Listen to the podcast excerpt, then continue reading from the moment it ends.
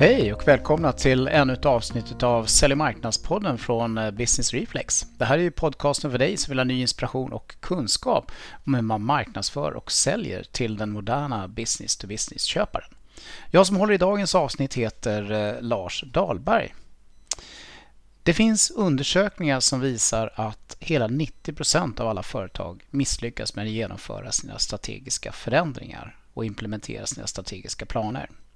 Det här är ju väldigt allvarligt och en eh, uppseendeväckande siffra.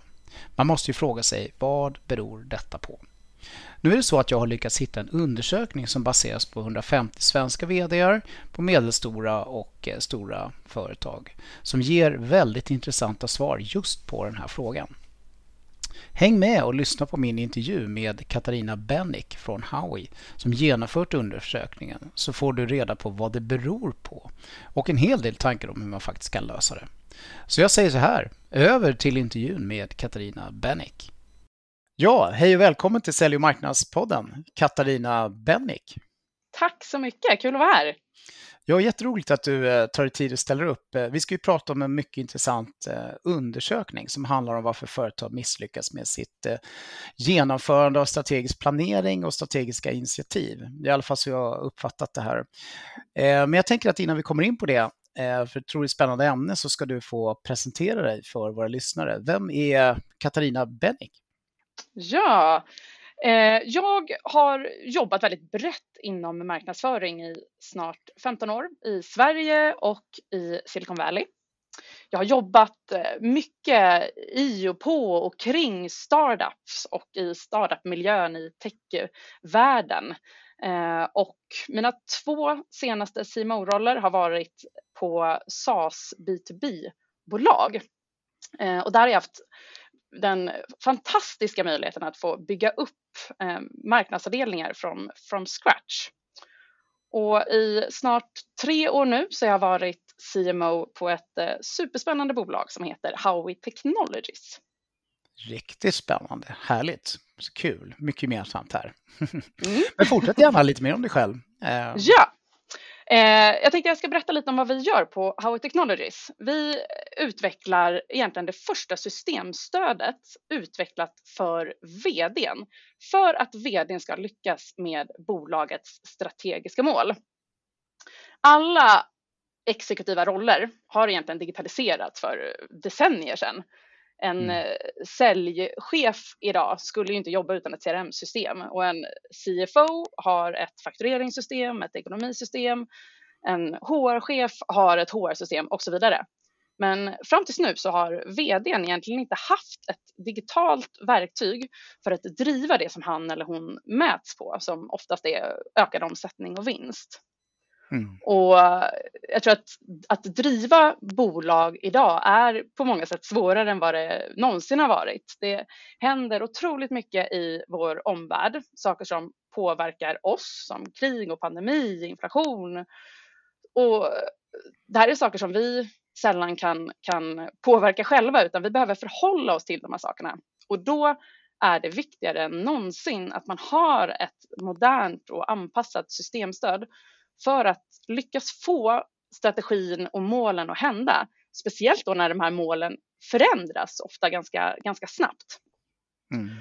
Och att det handlar mycket om att ja, självklart så förändras målen men, men för att målen ska uppnås så måste man ju få ut målen och man måste få med sig alla. Man måste få, få dem att hända på aktivitetsnivå i, i hela bolaget. Och tittar man på hur många bolag arbetar idag så sitter många, många vd i Excel och i Powerpoint och eh, försöker få strategin att hända.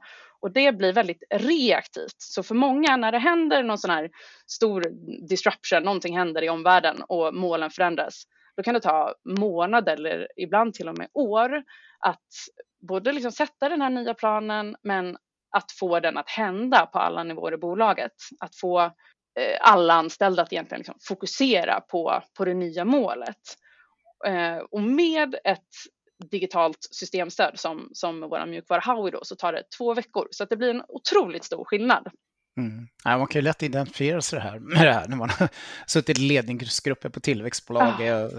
hela sitt liv nästan, tänkte jag säga. Ah. Så att, det, det, är inte, det är svårt och det har blivit betydligt mer utmanande. Det är inget snack om den saken. Ah. Och också kanske ännu viktigare Eh, på många sätt. Så att, eh, ja, men vad spännande. Men du, hur står det till då eh, med, med det här? Lyckas företag med det här eller inte? Då? Det låter på dig lite som de inte gör det.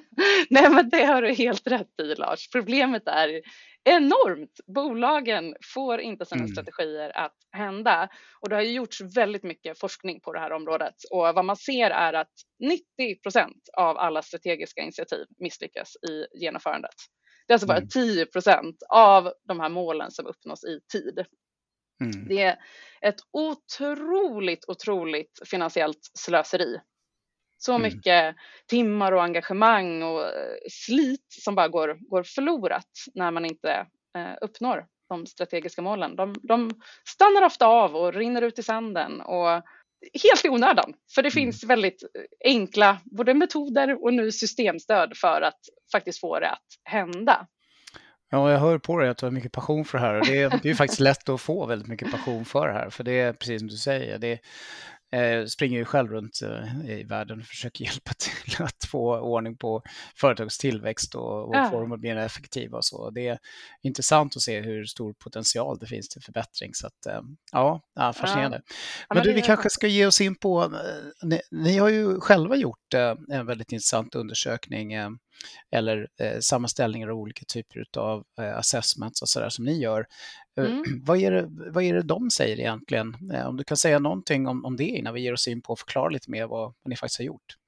Ja, men gärna.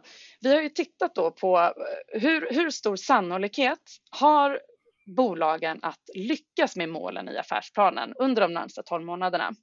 Och vår mm. undersökning, vår assessment, visar att man har 52 procents sannolikhet. Alltså 50-50 ja, på om man kommer lyckas eller inte. Och mm. Jag sa ju tidigare att, man har, att 10% av målen eh, uppnås i tid när man tittar på extern forskning. Och att, att våran siffra ligger lite högre än det, eller ja, på 52% och inte på 10% har mycket att göra med att vårt assessment är ett självskattningsverktyg egentligen där vd själva får, får berätta om hur de jobbar med strategiexekvering. Man har ganska höga eh. tankar om sig själv med det. De har det och det är intressant. Ja. Vi, vi gör ju egentligen en kartläggning mm. över, över utmaningarna och de faktorerna, möjligheterna man har för, för att lyckas med sin strategi. Och just det är faktiskt en av de största problemen som vi ser, att man själv man överskattar sin förmåga eh, att, att mm. lyckas inom lite olika perspektiv. Då. Ja, det är ju otroligt intressant eh, data som du kommer med och det låter också som det kommer från en väldigt, eh, väldigt bra, en ganska detaljerade då, det ni kallar för assessment som är sammanställda mm. i, det här, i den här så kallade undersökningen. Jag ska säga. Men du kanske kan berätta lite mer om vad det är ni faktiskt frågar efter för att få fram den här typen av data.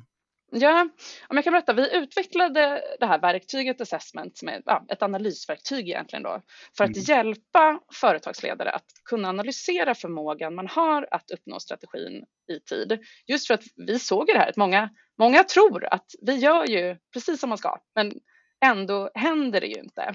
Så för att man ska få en bättre uppfattning om organisationens styrkor och svagheter och potential ehm, så, så har vi tagit fram det här verktyget då. Där gör vi djupintervjuer med VDR, tar ungefär 45 minuter, där man tittar på alla de faktorer som påverkar möjligheterna att uppnå målen i, i bolagens strategi.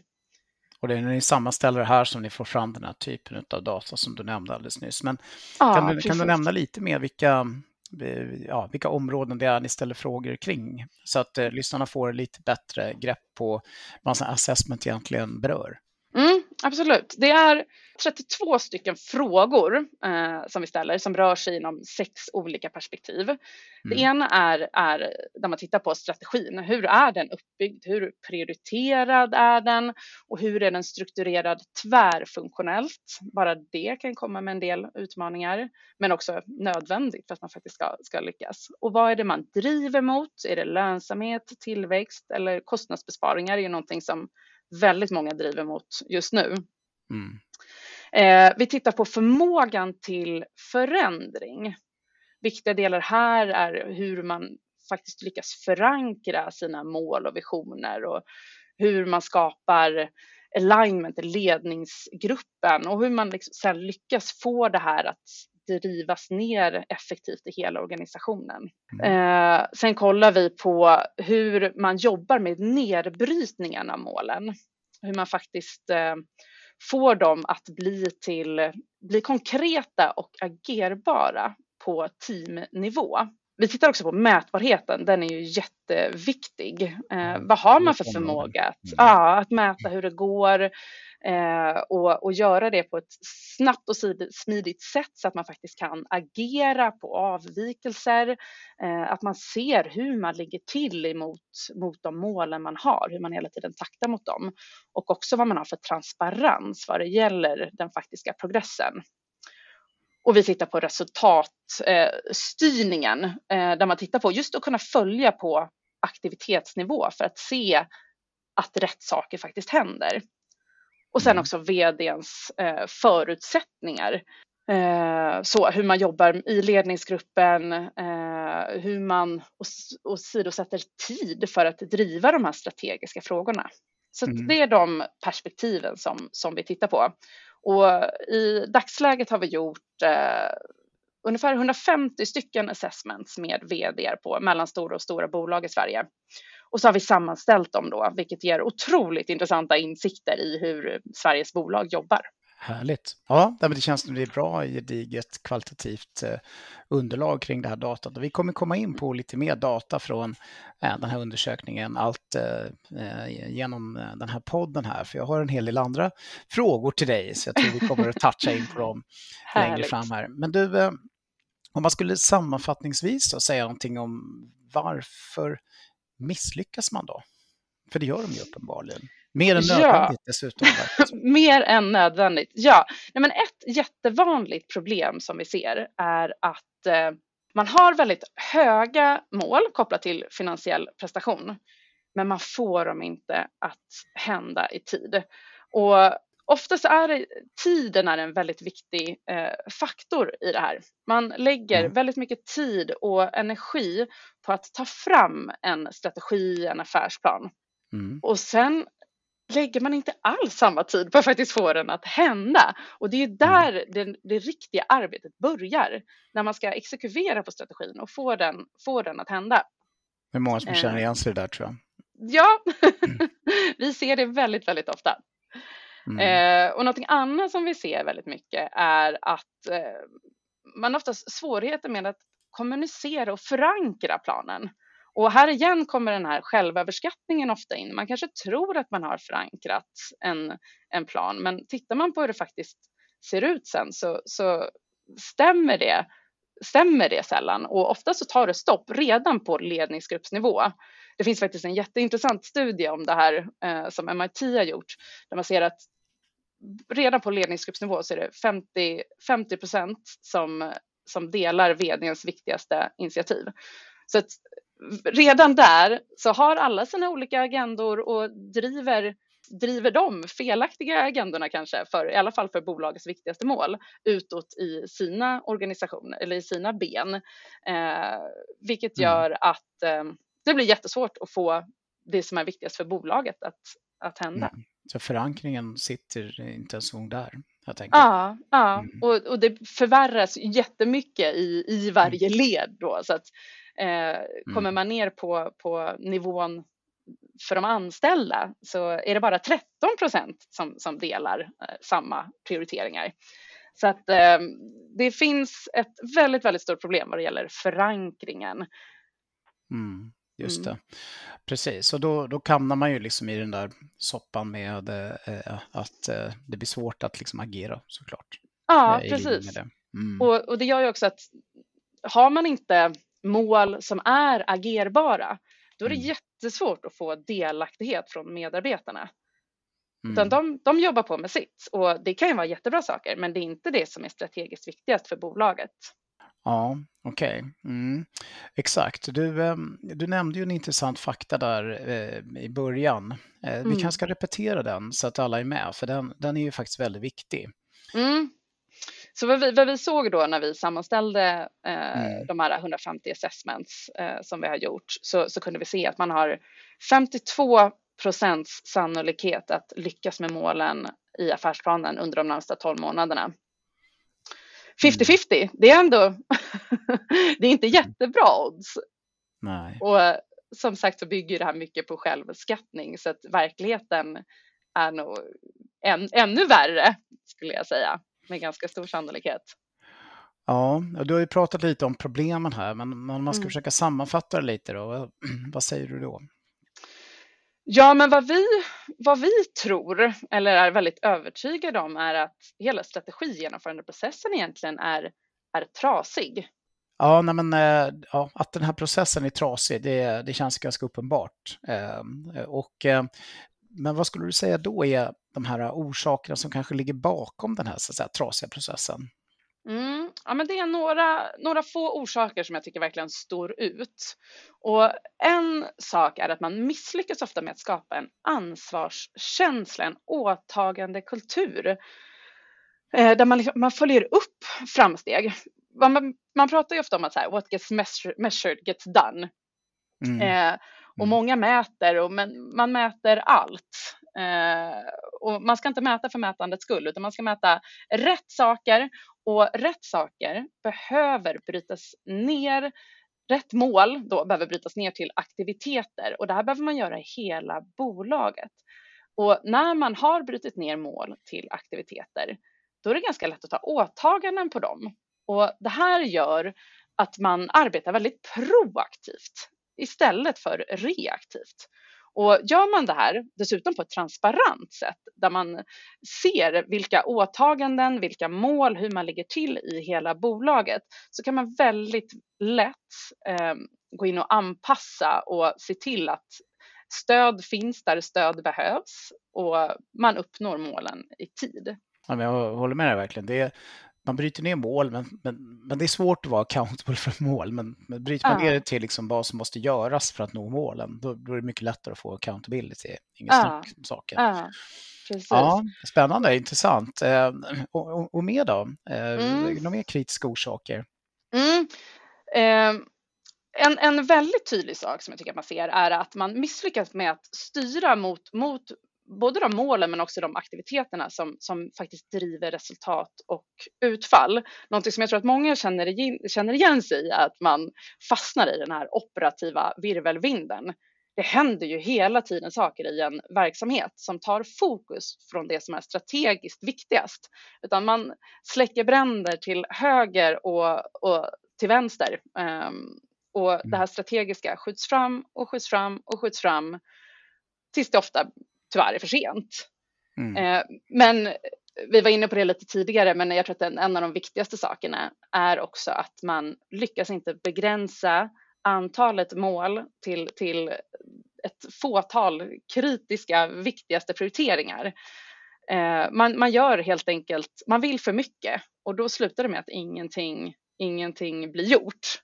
Nej. Jag kan berätta faktiskt en jätterolig, en, en rolig, den är ganska hemsk egentligen, men en historia som en, en Ja. av våra kunder berättade om innan han började arbeta med oss. Mm. Där de tog in en extern konsult för att kartlägga vilken verkningsgrad de egentligen hade. Mm. De tog ju massa beslut och de var jättenöjda av de här, eh, med, med alla de här, att de hade tagit så många beslut. Och den här konsulten kunde se då i den här kartläggningen att ja, men, två, 200 eh, beslut tog ni här i ledningsgruppen förra året. Och alla var jättenöjda och klappade sig på axeln. Men sen tittade man på, av de här besluten som har tagits, hur ser Mm. egentligen verkningsgraden ut? Och den var ju en helt annan, det var ju bara en bråkdel, jag tror att det var 24 stycken av alla de här besluten som hade tagits som faktiskt hade hänt i verkligheten. Mm. Det är exekveringen som... Ja, igen är det ju det. Man vill jättemycket, man misslyckas med exekveringen och ingenting händer. Mm. Ja. Ja, eh, eh, det, det börjar kännas lite så jobbigt tror jag nu för många lyssnare här. De är så här, oh, herregud. Så där Men det finns- också på jobbet.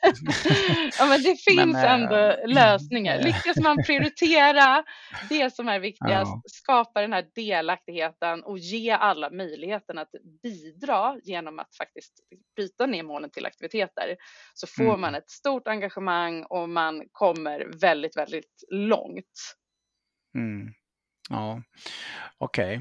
Ehm, eh, har, har du undersökningar och intressant fakta kring det här då? Med, med tydlighet och sådana saker? Mm, men en, en, en eh, sak som, som, som jag tycker är otroligt intressant som vi kan se i, i assessment är att eh, eh för, eller egentligen en grundprincip för, för att man ska lyckas med strategin så är det ju väldigt viktigt att den är tydlig. Mm. Och vi frågar då vdarna i assessment om de tycker att de har en tydligt definierad strategi. Och 84 procent säger att de har det. Den är jättetydlig. Mm. Eh, gräver man lite noggrannare i det här så ser man att det, det kanske inte riktigt stämmer. Eh, om vi tittar på de, de vanligaste målen då som, som bolagen driver mot är ökad omsättning eh, och lönsamhet. Mm. Eh, idag är det lite fler som driver mot, mot lönsamhet. Men för att man ska uppnå de här målen då så behöver man ju veta var ökningen ska komma ifrån. Eller hur? Det. Exakt. Eh, det är ju egentligen definitionen av att den är tydlig. Man vet var, var pengarna ska komma ifrån. Mm. Och eh, tittar man då på de initiativen som ska ö- leda till ökad omsättning så var 39 procent av dem har man identifierat i konkreta strategiska initiativ. Mm. Så man Så har liksom 30 inte brutit ner det ordentligt helt enkelt på något sätt. Så. Nej, re- resten är ö, önskebudgetar egentligen som man har sagt att så här, det, här, ja, det här vill vi Mm. uppnå. Eh, men man vet inte vart, vart de pengarna ska komma ifrån. Och lönsamhet då som, som majoriteten av bolagen driver främst mot idag. Eh, så vill man i genomsnitt öka lönsamheten med 121 procent. Men man vet bara var 25 procent av de här pengarna ska komma ifrån i form av identifierade initiativ. Så 75 procent har man sagt att man ska uppnå, men man har ingen plan för hur det faktiskt ska hända. Så att, eh, ja, igen självöverskattning. Eh, 84 procent Ja. säger att de har en defin- tydligt definierad strategi, men sanningen är nog inte riktigt så. Nej, utan eh, jag menar, när jag hör dig berätta om de här siffrorna så känns det som att ja, högt upp på high level så Ah, kanske det stämmer. Men sen då Mm. när man, man, man bryter ner det så, blir det inte, så är det inte så. Och, eh, och det är mycket det som ligger till grunden för misslyckandet också, så som jag hör dig beskriva eh, i de tidigare resonemangen vi har haft. ja. Man måste ju få med Mm. sig hela bolaget ofta för att lyckas med de här strategiska initiativen. Det krävs, Mm. det krävs ett arbete från väldigt många, ett stort tvärfunktionellt arbete ofta för att få strategiska initiativ att hända. Mm. Och då, då måste man ha brutit ner dem och man måste få med sig alla Mm. bakom dem. Ja, okej. Ska vi försöka ge oss på någon, någon form av sammanfattning på det här då, eh, så här långt? Ehm, det känns som att strategin inte är så tydlig som man tror. Eller man överskattar det i Nej. alla fall. Eller vad säger du? Precis, strategin är inte så tydlig som man tror och många Mm. överskattar sin förmåga att skapa en tydlig och agerbar strategi. Och det här får ju då jättestora konsekvenser för bolagen. Mm. Många har ju ja, men önskebudgetar eh, och mål, men man vet inte hur man faktiskt ska uppnå dem. Och generellt sett skulle jag nästan säga att man, man har svårt att se skillnad på, på det strategiska och det operativa arbetet. Och det operativa arbetet har ju en tendens att ta över. Det är ju ofta saker som ja, men de är brådskande, det är här och nu saker. Och det fylls på och gör att man istället för att göra de här viktiga, långsiktigt viktiga sakerna så håller man på med en akut brandsläckning. Mm. Det man Och- alltid har gjort, även fast det Ah. inte är så viktigt längre. Så det, och det är klart att det kanske blir så när man inte har lyckats bryta ner det som Ah. är viktigt eh, hela vägen ända ner och skapa liksom det du var inne på där, Mm. eh, ansvarstagande så, så gör, man, gör man de saker man är van att göra. Typ för det som kommer far, far förbi en. Ja, och det blir väldigt reaktivt när man jobbar på det sättet. Mm. Du har inte alls det här proaktiva, framåtblickande arbetssättet och det skapar jättemycket stress och det är ju ett, stress är ju ett jättestort problem idag. Och ja, det är mm. också väldigt onödigt att, och tråkigt att det är på det sättet. Mm. Ja, eh, exakt. Så det behöver läggas mer tid på förankring tycker jag det låter som. Förankringen är ju jätteviktig för, för att det här ska hända. Eh, och vad vi kan se i assessments så säger 70 procent att är eh, 70 procent eh, av de vi har tillfrågat i assessment säger att de är överens om strategin. Mm. Och samma sak här så ser vi då i, i extern forskning att så, så är det ju inte riktigt. Eh, som jag nämnde Nej. tidigare så redan på ledningsgruppen så är det ungefär hälften av ledningsgruppen som driver andra agendor och mm. delar vdns mest prioriterade initiativ. Ja, det känns verkligen, tycker jag, så här långt i ditt resonemang att att eh, de som jobbar med strategiska arbetet då, kanske framförallt mm. vdn eller toppledningen, de, de svävar, mm. lite, svävar lite, lite på sidan om här mm. från vänster och tar inte konsekvenserna av, av de strategiska besluten mm. liksom, på allvar. Mm. Mm, det, mm. och det, de sticker huvudet i sanden och tänker det löser sig nog. Ja, Eller så ja. förstår de inte hur, hur jobbigt det blir liksom, för alla andra sen när, när det väl blir dags att börja exekvera på det. Utan de sitter där och tror liksom att det här är fine. Ja, ja men precis. Oftast upptäcker mm. man ju att det, att det inte är fine när det redan är för sent. Mm. Mm. mm. Ja, eh, hur blir det då? Känner de här eh, anställda till de här prioriteringarna eller inte? Finns det någon fakta om det? Eller? Jo, men det gör det. Eh, och det är, samma, det är samma studie av MIT som visar att, som visar att det stannar eh, alignment, som man pratar om, stannar redan på ledningsgruppsnivå. Mm. Och tittar man då på medarbetarnivå så är det bara 13 procent som känner till de viktigaste prioriteringarna som bolaget driver. Och det här är ju så otroligt tragiskt för att de anställda vill ju vara med och bidra i de allra flesta fall. Enligt ja. den studien så, så vill 82 procent vara med och bidra. Men mm. vet man inte vad man ska göra och hur man ska göra det så, så är det väldigt svårt, men lyckas man faktiskt få med alla anställda och bidra till det som är viktigast för, för bolaget på toppnivå så blir det en sån otrolig, otrolig kraft. Exakt, du får som en dubbeleffekt här på något sätt. Dels så ah. får du bättre exekvering kopplat till strategin, eh, men du får också människor som känner att de är mer delaktiga, vilket de Precis. gärna vill. Ah. Att, eh, ah. Mm. Ja, mm. nej, men det, det, är så du får tillväxt och det är så du får nöjda medarbetare. Så det finns mycket vinster där att hämta hem. Mm. Två flugor på en smäll. Precis. Mm.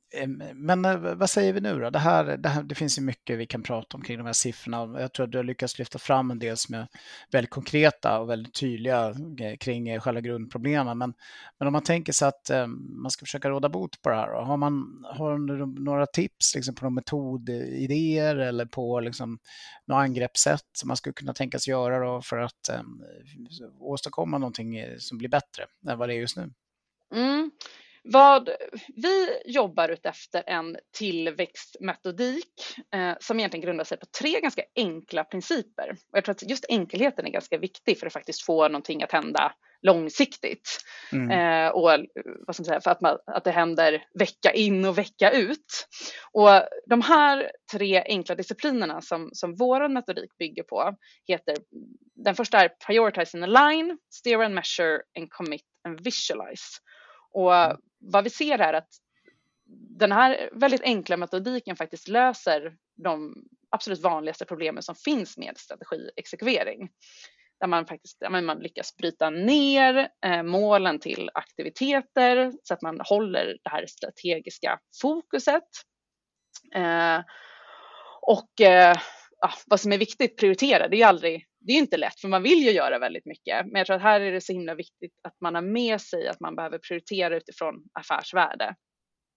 Och sen behöver man börja med det här prioriteringsarbetet på vd-nivå och sen behöver man göra samma sak i hela bolaget. Så, så som det alltså fungerar prioritera enligt... ja, rulla ut, prioritera rulla ut. Ja, ja men exakt. Och mm. mm. jag då som sitter som, som marknadschef, mina mm. viktigaste mål stöttar bolagets viktigaste mål. Sen gör ju jag saker som, som har med marknadsföring att göra såklart för att stötta det utifrån liksom, mitt mm. perspektiv. Mm. Men varje avdelning eh, gör precis samma sak. Men oavsett vad man gör utifrån den disciplinen man jobbar utifrån så stöttar det bolagets övergripande mål. Just det, så det måste synkas med liksom ja. kommer fram till på toppen. Liksom. Precis. Och när, mm. ja, precis. Och när man bryter ner det då till aktivitetsnivå så blir det väldigt proaktivt. Och det handlar inte om att göra allt, men det handlar om att göra rätt saker. Och vad säga, vårt verktyg, här fångar vi upp det som är strategiskt viktigt. Det handlar absolut inte om att fånga, fånga upp allt, för det operativa arbetet, det kommer finnas där ändå. Det kommer man inte undan. Men, men det här hjälper en att hålla fokus då på det strategiskt viktigaste arbetet. Mm. Och, och gör det varje vecka. Och det är egentligen den tredje disciplinen eh, som handlar mycket om att skapa liksom, en åtagande en åtagande kultur vi håller någonting som kallas för stationsmöten som vi mm. startar varje vecka med. Ett, jätte, ett kort möte där man tar åtaganden på de här aktiviteterna, man tittar på vad har vi åstadkommit, vad behöver vi göra framåt och så skapar man den här delaktigheten och engagemanget och fokuset varje vecka. Och det här gör att man orkar hålla i och det är också jätteviktigt för att man faktiskt ska lyckas. För en strategi kan ju ofta ligga ganska många år framåt i tiden. Mm, så du, du sa den tredje var commit och visualize på. Eh, så det, det, är den då det handlar om, när man ja, gör det varje vecka. Mm. Precis, precis. Mm. Ja, eh, precis. Det finns säkert jättemycket att prata om de här, men jag tror alla får en liten känsla för att eh, eh, vad, vad det kan tänkas handla om mm. för att mm. man ska eh, lyckas bättre. Eh, för det finns ju uppenbarligen eh, potential här. Eh, men du, innan vi skulle avrunda här då, det här spännande avsnittet, så vad skulle du vilja ge för typ av tips? Du har ju varit inne på en hel del olika saker, men man ska försöka konkretisera någonting som du känner du skulle vilja skicka med lyssnarna. Mm. Ja, men jag skulle egentligen vilja göra tre stycken medskick till lyssnarna. Mm. Eh, det första är att faktiskt på riktigt se till att skapa en tydlighet kring målen i strategin. Och mm. ja, men som sagt, ofta så finns det ju en tydlighet kring output. Man har sin önskebudget, men det finns en otydlighet vad det gäller input. Vad är det faktiskt som krävs och av vem och hur vet man när det är klart? Så det tycker mm. jag är jätteviktigt att man faktiskt har en tydlighet även kring input. Och mm nästa medskick jag skulle vilja göra är att faktiskt men, skapa en sense of urgency. Som sagt, strategier ligger ofta ganska lång tid framåt i tiden, men man måste få det att hända nu. Man behöver bryta ner den här treårsplanen kanske till en konkret affärsplan i det innevarande kvartalet. För annars så tenderar ju de här strategiska initiativen att, att drunkna i den här operativa virvelvinden som vi pratade om som gärna kommer och äter Det där är ett svårt konststycke, så det är ett bra, jättebra tips tycker jag. Ja. att, um, det är inte lätt att göra med ett väldigt bra tips. Just mm. att man har en långsiktig strategi, man måste börja göra någonting annorlunda nu ja. uh, för att det ska liksom, hända på lång sikt. Det är ju ja. så det är. Ja, nej, men strategin, ja, strategin blir jättesnabbt sekundär annars, både för, för mm. vdn och speciellt för de mm. anställda. Och det här gör ju att de här viktiga milstolparna och delmålen man har, de, de skjuts upp, för man, man tappar fokus. Och det här kalendertidsbegreppet, det, det tappar man ofta ganska tidigt i processen. Mm. Men sen mm. sista tipset då som jag skulle vilja ge är att se till att ha med dig ledningsgruppen med samma sylvassa tydlighet. Vi kunde se där 51 procent av redan på ledningsgruppsnivå eh, delar inte ja. vdns prioriteringar. Eh, och då kommer man inte lyckas driva ut det i sina funktioner och då är det jättesvårt sen för, för olika funktionschefer att ta den här stafettpinnen vidare och förvalta en förändring neråt i organisationen.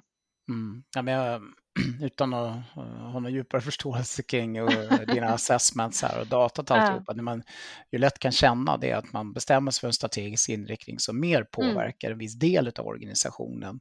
Ja. Där man producerar saker eller där man tar hand om människor eller där man marknadsför och säljer saker eller där man uppfinner ja. saker. Eller man, det blir det. Då blir det rätt lätt att de andra som inte är så riktigt core i den här förändringen som lite grann slappnar av och tycker att det ja. där är deras business, inte riktigt min. Det, det kan jag nog, eh, kan nog känna själv lite grann. Ja. Jag tänker, och reflekterar tillbaka på saker och ting. Eh, nu när du berättar mm. att eh, det blir så här, mm. ja, det där ska säljmarknaden mm. fixa eller nej, det där måste R&D fixa eller okej, okay, jag fattar att det är viktigt för mig, ja. men det är liksom i huvudsak, den här inriktningen har huvudsak med dem att göra, liksom, eh, ja. mer än vad de har med mig att göra. Mm. Men så mm. är det ju inte i verkligheten, för man har ju ett företag av en anledning. Liksom.